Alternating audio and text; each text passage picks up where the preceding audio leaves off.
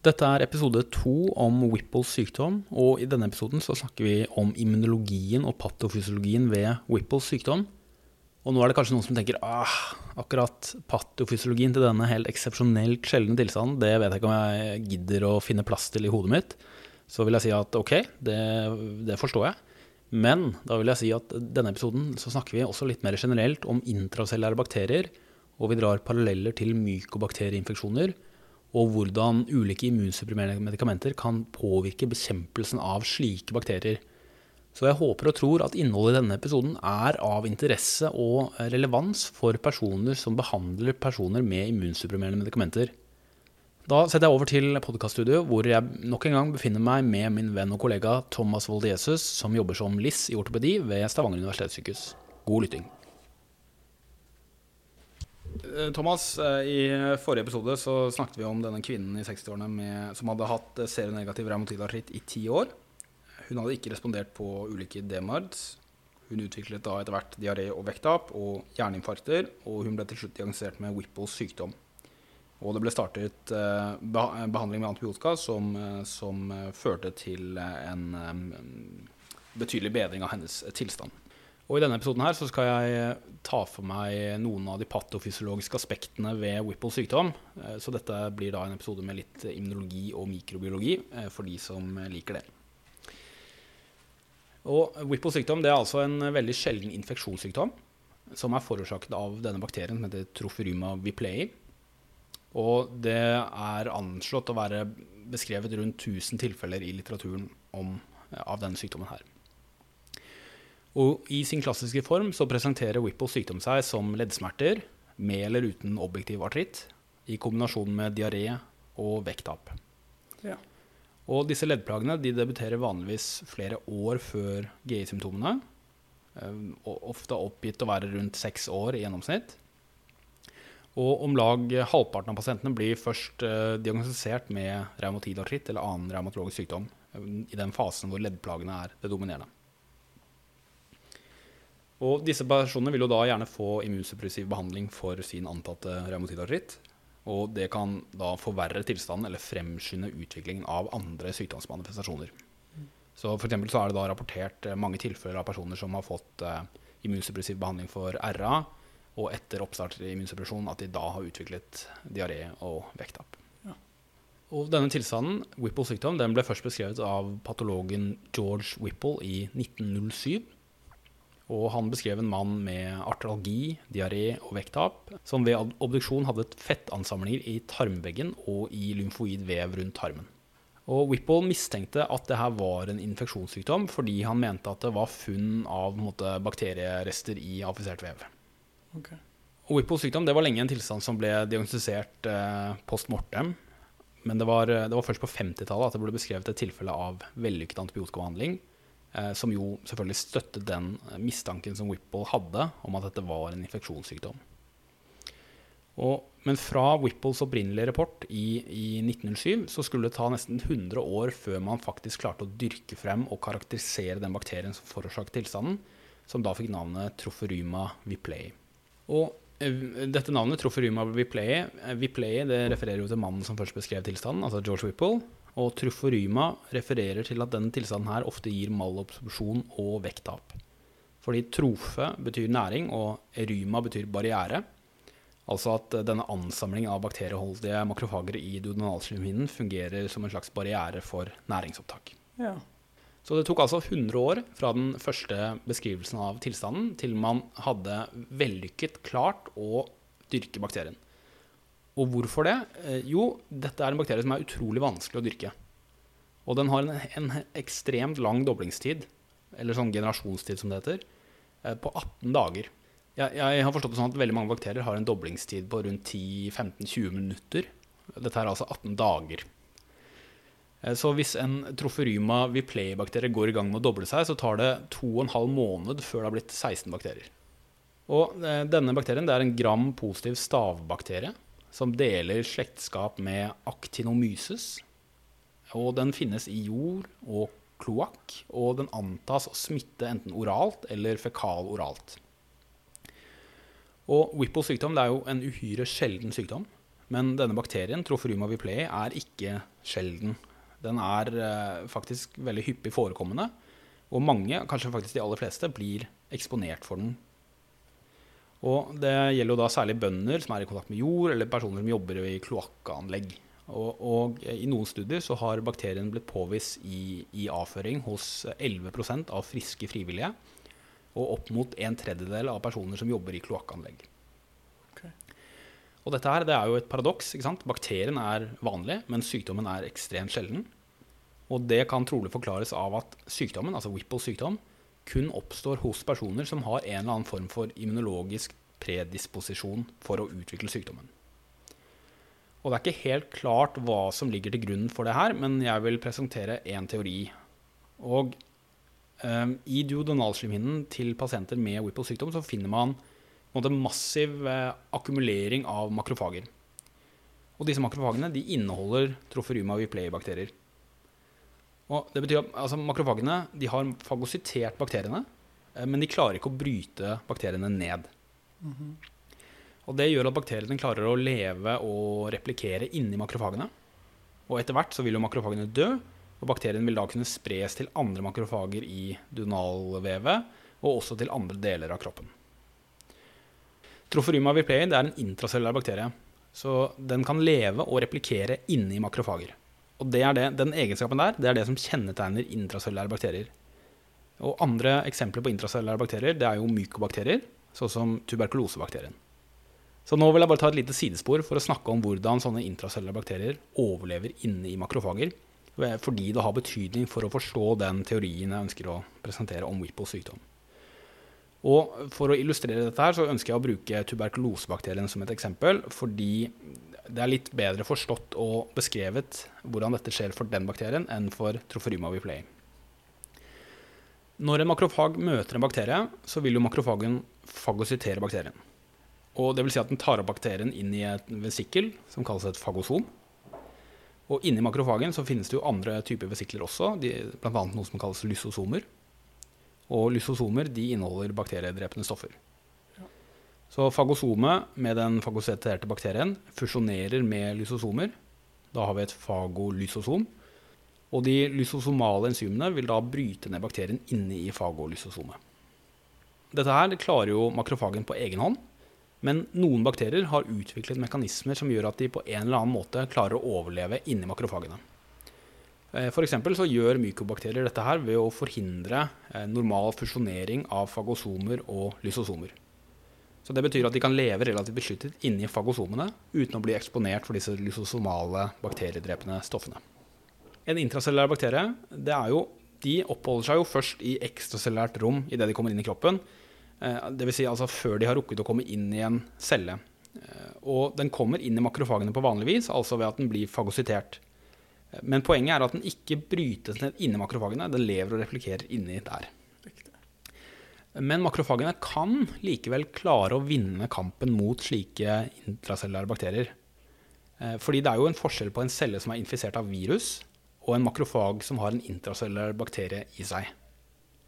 En virusinfisert celle den, den har jo på en måte blitt kapret av viruset. Og da bruker viruset cellens maskineri til å produsere kopier av seg selv. Så da kan man si at viruset har på sett og vis tatt kontroll over den cellen. Eh, og den cellen vil aldri kunne bli kvitt viruset. Så det beste du kan gjøre i den situasjonen, er å drepe den virusinfiserte cellen. For å unngå at cellen produserer viruspartikler som kan infisere naboceller. Men en makrofag som har fagositert en intracellær bakterie, har jo gjort den jobben den egentlig skal gjøre. Nemlig å fagositere den. Men problemet er at den ikke klarer å bryte bakterien ned. Men den cellen her den har jo fortsatt mulighet til å kvitte seg med bakterien. Så den er ikke på en måte kapret på samme måte som en virusinfisert celle. Så det den makrofagen her trenger, er jo bare litt ekstra hjelp til å øke sin drapsevne, og da klare å bryte ned bakterien. Mm -hmm. Og det makrofagen da gjør, er å vise frem antigen fra bakterien på MHC klasse 2. Demrer det? det var en stund siden jeg hørte MHC klasse 2, ja. ja. ja. Eh, de kan da få hjelp fra en T-hjelpecelletype av typen TH1 som, eh, hvis den gjenkjenner antigenet som blir presentert, så vil den slippe ut et cytokin som heter interferon gamma. Og interferon gamma binder til interferon gamma-reseptorer på overflaten av makrofagen. Og denne bindingen med interferon gamma gjør at drapsevnen til makrofagene øker. Og det gjør at de klarer å fusjonere vesiklene til et fagolysosom allikevel. Altså den får på en måte superkrefter som gjør at den overvinner bakteriens evne til å forhindre fagolysosomfusjonering. Og dette samarbeidet mellom makrofager og TH1-celler det går begge veier. Eh, så makrofager med intracellulære bakterier produserer cytokiner, særlig interleukin 12, som gjør at T-hjelpeceller differensierer til denne TH1-typen. Altså interleukin 12 fra makrofagene gjør at T-cellene blir til TH1-celler. Og disse TH1-cellene, hvis de gjenkjenner antigenet presentert av makrofagene, så vil de altså i sin tur produsere interferon gamma, som øker makrofagens drapsevne. Så det blir en sånn feedback loop mellom makrofagene og TH1-cellene. Og ved mykobakterieinfeksjon så kan dette gjøre at bakteriene drepes, og at makrofagen løser problemet. Altså at det er et sånt potent samarbeid mellom THN-celler og makrofager som gjør at det blir bakteriedrap og eradikering av infeksjonen. Og dette her, det er det ene utfallet av eksponering for mykobakterier, altså at immunsystemet eliminerer bakterien, og det blir kvitt infeksjonen. Det andre mulige utfallet er jo at man ikke får kontroll i det hele tatt. At det blir en sånn primær mykobakterieinfeksjon, som da oppstår kort tid etter at man blir eksponert for bakterien. Og den tredje eh, mulige utfallet av eksponering for mykobakterier er såkalt latent infeksjon.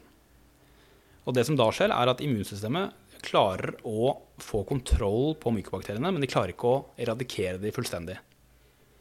Men mykobakteriene vil da måte holdes i sjakk av disse nevnte mekanismene. Enten ved at de holdes i sjakk inni makrofagene, at de begrenser liksom replikeringen av, nei, av eh, bakteriene. Eventuelt at mykobakteriene holdes i sjakk i granulomer. Og et granulom er bare en ansamling av makrofager omringet av T-celler. Og i midten av dette granulomet finnes det da det materialet som man ønsker å kapsle inn i granulomet, som i dette tilfellet vil være mykobakterier. Og dette granulomet er jo da en måte, å begrense bakteriens evne til å spre seg rundt i kroppen. Og utvikling av sånne granulomer krever det samme samarbeidet og de samme cytokinene som, som vi nettopp har sagt om, altså TH1-celler, makrofager, interferon gamma og interleukin 12. I tillegg så er TNF, et annet cytokin, eh, involvert, som også stimulerer utvikling og vedlikehold av granulomet. Så altså interferon gamma, interleukin 12 og TNF, makrofager og TH1. Dette er komponenter som er viktige for Eh, for, eh, for, kontroll av mykobakterier. Og som sagt, mykobakteriene da holdes i sjakk enten intracellulært i makrofagene eller i midten av granulomer. Mykobakteriene ved latent eh, tuberkulose er ikke drept. Ikke De holdes under kontroll, enten inni makrofager eller inni granulomer. Og, men disse mykobakteriene er levende. De er på en måte bare i dvale. Så de replikerer ikke, de disseminerer ikke. De forårsaker ikke sykdom eller symptomer eller skade på noe vis. Men hvis immunsystemet blir eh, kompromittert, så kan denne immunologiske kontrollen opphøre. Eh, og da vil de hvilende mykobakteriene kunne våkne til liv. Og da vil de kunne starte å replikere og disseminere og forårsake sykdom. Og det kalles reaktivering av latent tuberkulose. Og det er jo på en måte enkelt å forstå hvorfor hiv-infeksjon og behandling med TNF-hemmere kan føre til reaktivering av latent tuberkulose. Fordi ved hiv-infeksjon er det jo tap av CD4-positive TH1-celler, som er viktig i denne mm, mekanismen her.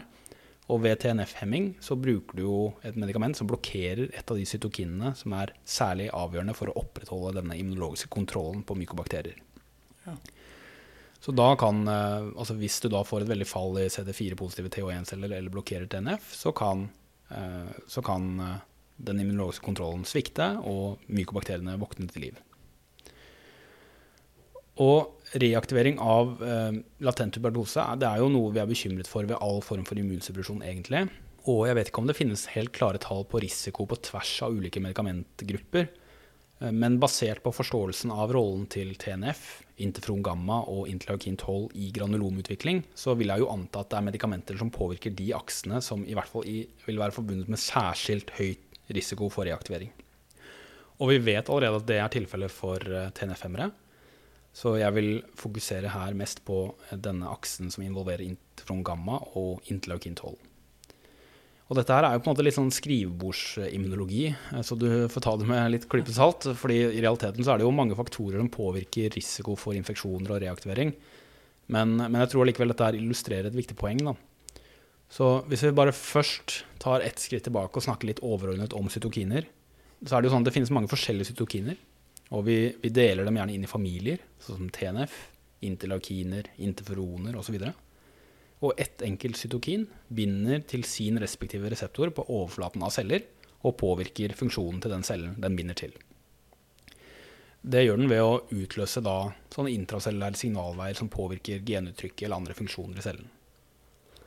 Og ulike, ulike cytokiner binder ulike reseptorer. Og ulike reseptorer utløser i sin tur forskjellige intracellulære signalveier. Og proteiner som er involvert i sånne signalveier, det inkluderer bl.a. januskinaser, forkortet JAK. Eh, og det finnes eh, fire forskjellige JAK. Det er JAK1, JAK2, JAK3 og TYK2. Ikke JAK4, men ja, TYK2. Tykk 2 ja.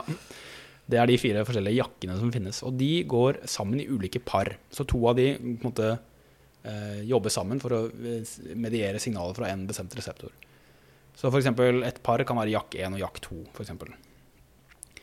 og når, eh, når et cytogen binder til reseptoren, så vil aktivering av JAK gjøre at JAK-proteinene fosforylerer andre intracellulære proteiner. Og det bidrar til at signalet om reseptorbinding da finner vei ned inn i cellekjernen. Og det er mange cytokiner som signalerer gjennom JAK. Eh, og relevant for akkurat denne diskusjonen her, så er det det at alle interferoner signalerer gjennom jakk, og interleukin 12 signalerer også gjennom jakk. TNF det signalerer ikke gjennom jakk, men interferon gamma og interleukin 12 gjør det. Så hvis vi starter med interferoner, da, så er det sånn at det finnes ulike grupper av interferoner. Og de to viktigste er eh, type 1-interferoner og type 2-interferoner. Og type 1-interferoner det er interferon alfa og interferon beta. Mens, og disse her, altså interferon alfa og interferon beta, de signalerer gjennom interferon alfa-beta-reseptoren. Og disse type 1-interferonene de er viktige i eh, forsvaret mot virusinfeksjoner. Type 2-interferon det er interferon gamma. Så de er i praksis synonyme, de to begrepene. Og interferon gamma det var jo det cytokinet som ble skilt ut av TH1-cellene og som er viktig for å stimulere makrofagers evne til å drepe intracellære bakterier. Og interferon gamma det binder til interferon gamma-reseptoren. Og både interferon alfa-beta-reseptoren og interferon gamma-reseptoren signalerer gjennom JAK. Interferon alfa-beta-reseptoren bruker JAK1 og TYK2, mens gamma-reseptoren bruker JAK1 og JAK2. Det er ikke så viktig å huske det, altså, men du, poenget er bare det at hvis du gir en JAK-hemmer som er en medikamentklasse vi bruker i revmatologien. Hvis du gir en jakkhemmer som, som blokkerer jakk1 og eller jakk2, så vil du svekke effekten av interferon gamma. Ja. Og slik eh, jakkhemming vil jo derfor kompromittere det samarbeidet mellom makrofager og TH1-celler. Og det vil svekke evnen til å kontrollere intracellulære bakterier og til å danne og opprettholde granulomer. Og det vil jeg få tro at eh, da vil kunne føre til opphør av immunologisk kontroll på mykobakterier, oppløsning av granulomer og reaktivering av latent tuberkulose. Et lite sidespor her om andre interferoner.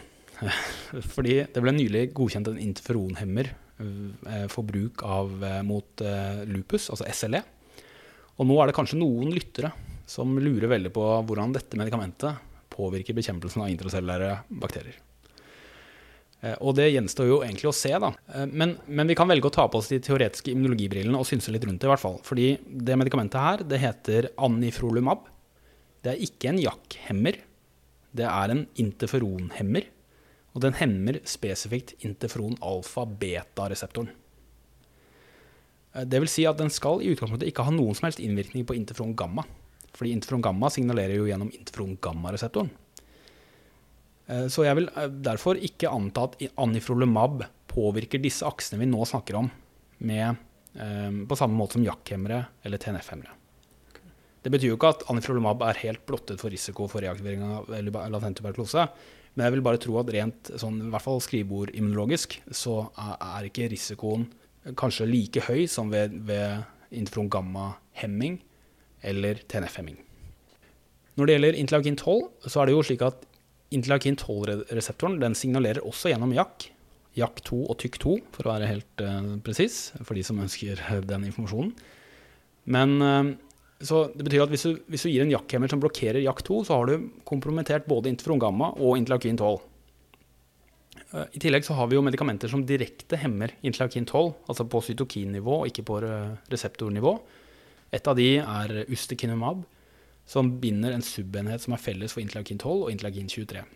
Og basert på interleukin 12 sin rolle i granulomer og bekjempelse av intracellulære bakterier, så ville jeg jo egentlig antatt at et sånt medikament også er forbundet med høy risiko for reaktivering av latent tuberkulose. Eh, men jeg ble litt overrasket, fordi da jeg prøvde å finne litt støtte til det i litteraturen, så, så fant jeg noen studier fra Sørøst-Asia hvor, hvor, det ikke ble funnet noe særlig høy forekomst av eh, tuberkulose hos pasienter som ble behandlet med det medikamentet. Eh, men det er jo, jeg synes det egentlig var litt rart, fordi det finnes en gruppe av medfødte immunsviktsykdommer som samles under paraplybegrepet Mendelian Susceptibility to Mycobacterial Diseases, MSMD. Og, og, og som navnet tilsier, så, så, har jo disse pasientene da en medfødt predisposisjon til å utvikle mykobakterieinfeksjon. Og BCG, vaksinen, det er jo en, en, en levende attenuert mykobakterievaksine eh, som er aktuell å gi ved seks ukers alder. Og den typiske presentasjonen av disse, denne gruppen av immunsviktsykdommer, altså Mendelian susceptibility mycobacterial diseases, er fulminant infeksjon etter at de har fått denne BCG-vaksinen. Eh, så vidt jeg vet, så gis jo ikke BCG lenger til alle barn i Norge. Eh, så i, da, i den, det tilfellet at det ikke gis vaksinasjon, så vil jo ikke den sykdommen manifestere seg på det viset, men da vil det jo heller være at de utvikler mykobakterieinfeksjoner senere i livet. Eh, og hva slags type genetiske defekter er det som da ligger bak denne gruppen av primære immunsviktsykdommer? Det er jo da mutasjoner som påvirker de aksene vi nå har snakket om. Så de vanligste årsakene til Mendelian susceptibility to mycobacterial diseases er genetiske defekter i enten interleukin 12-reseptoren eller interferon gamma-reseptoren. Okay. Det her det var jo et veldig langt uh, sidespor om mykobakterier. Da. Men, uh, men, hvis vi går tilbake til Whipples sykdom, så er det sånn at mykobakterier og troferyma viplei har noen ting til felles. Så de er begge intracellulære bakterier. Uh, begge er relativt hyppig forekommende, som gjør at mange eksponeres. men det er jo sånn at sykdom først og fremst utvikles dersom immunsystemet er svekket eller kompromittert på en måte som, som på en måte påvirker evnen til å bekjempe intracellulære bakterier. Og de fleste som blir eksponert for troferyma viplei, har jo en potent immunrespons som forhindrer bakterien i å etablere en infeksjon. Altså de, de, måte, det blir aldri noe, det blir ikke noe latent infeksjon, det blir ingenting. Du bare eliminerer det. Um, og mekanismene som ligger til grunn for den elimineringen av bakterien, er ikke så godt forstått, men jeg vil bare anta at det innebærer noen av de samme mekanismene som for mykobakterier. Altså et samarbeid mellom makrofager og TH1-celler. Så det betyr jo at når trofryma viplei forårsaker Whipples sykdom, så er det fordi pasienten har problemer med å bryte ned bakterien. Så, og hos pasienter med Whipples sykdom så er det beskrevet unormale makrofag- og T-celleresponser mot bakterien. Så hvis, når, man i, eh, når, man ser i duodenalslimhinnen til disse pasientene, så ser man at makrofagene har blitt polarisert til en antiinflamatorisk makrofagfenotype. Og disse antiinflamatoriske makrofagene de produserer veldig lave nivåer av interleukin 12. De produserer ikke de høye nivåene av interleukin 12 som vanligvis produseres av makrofager med intracellulære bakterier. Altså de høye nivåene som trengs for å igjen polarisere TH1-cellene. Så disse makrofagene her de produserer ikke interleukin 12.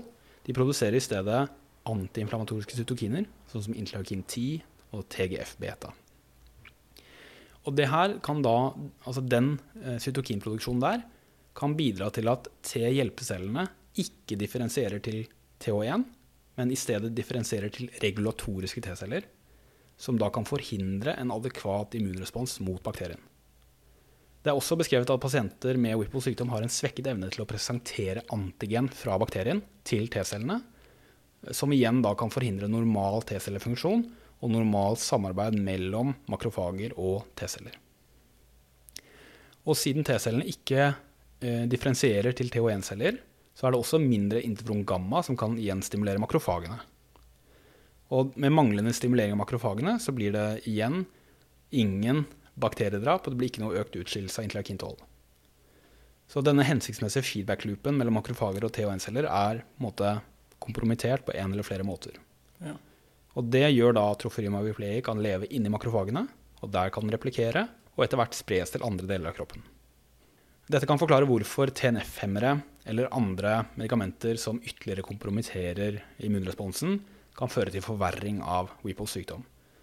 Eh, og det er jo eh, som sagt usikkert egentlig hva som er årsaken til immundefekten hos personer som utvikler Whipples sykdom. Men det man kan si er at de virker å ha en livslang predileksjon for sykdommen. eh, Fordi det er rapportert tilfeller av personer som har blitt vellykket behandlet av, for, av for Whipples sykdom, men som senere har fått residiv med en annen strain. Altså at de har Reinfisert, altså har fått Ja. Ja. Så det er ikke bare utilstrekkelig behandling av førsteinfeksjon. Det er vellykket behandling, men så faktisk reinfeksjon med annen strain. Så eh, denne predileksjonen virker å være eh, livslang. Hva er det for hyppighet på skal man si, Re reinfeksjon? Re reinfeksjon? Det, eh, det vet jeg ikke. Nei. Jeg kan sjekke det til neste gang. Ja. Men det som, er, det som er litt merkelig, eller vanskelig å forstå, er det at den immundefekten, eller den predisposisjonen for, for sykdommen, virker å være helt spesifikk for troferyma viplei. Så disse personene har ikke økt forekomst av andre bakterieinfeksjoner eller andre infeksjoner generelt. Så de, har for ikke, de virker ikke å være, ha en predileksjon for å utvikle mykobakterieinfeksjoner. Den virker å være spesifikk for akkurat denne bakterien. Eh, og om det er Altså at det er noe sånn um, Noen vertsfaktorer og noen bakteriefaktorer som påvirker på måte, immunhomostasen på et eller annet vis. At det er et eller annet med selve bakterien også som utnytter noen sårbarheter som andre, andre bakterier ikke gjør. Noe sånt, jeg vet ikke. Jeg tror kanskje ingen vet det. Men det er i hvert fall greit å vite at disse personene ikke har en, en generell immunsvikt, egentlig. Det er da en spesifikk eh, predileksjon for dette her. Noen steder så står det at de er litt mer utsatt for å få giardia, men ellers så virker det ikke å være noen andre sammenhenger. Eh, som sagt så, så er jo ikke de nøyaktige mekanismene helt fullstendig kartlagt, og det, det handler jo også om at det er en så utrolig sjelden sykdom, da. Men jeg håper jo i hvert fall at denne, det vi har snakket om nå, med denne, disse mekanismene om intracellulære bakterier og mykobakterier og ulike immunsuppressiva medikamenter, har eh, en viss nytte for, eh, for eh, revmatologer uansett.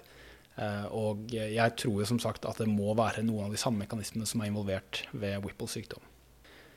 I neste episode så skal vi gå litt mer klinisk til verks. Da blir det en gjennomgang av, eh, av epidemiologi, symptomer, diagnostikk, behandling av Whipples sykdom. Ja. Så da håper jeg at du er med meg da, Thomas. Ja da. Tusen takk for at du kom. Takk. Takk for at jeg fikk komme.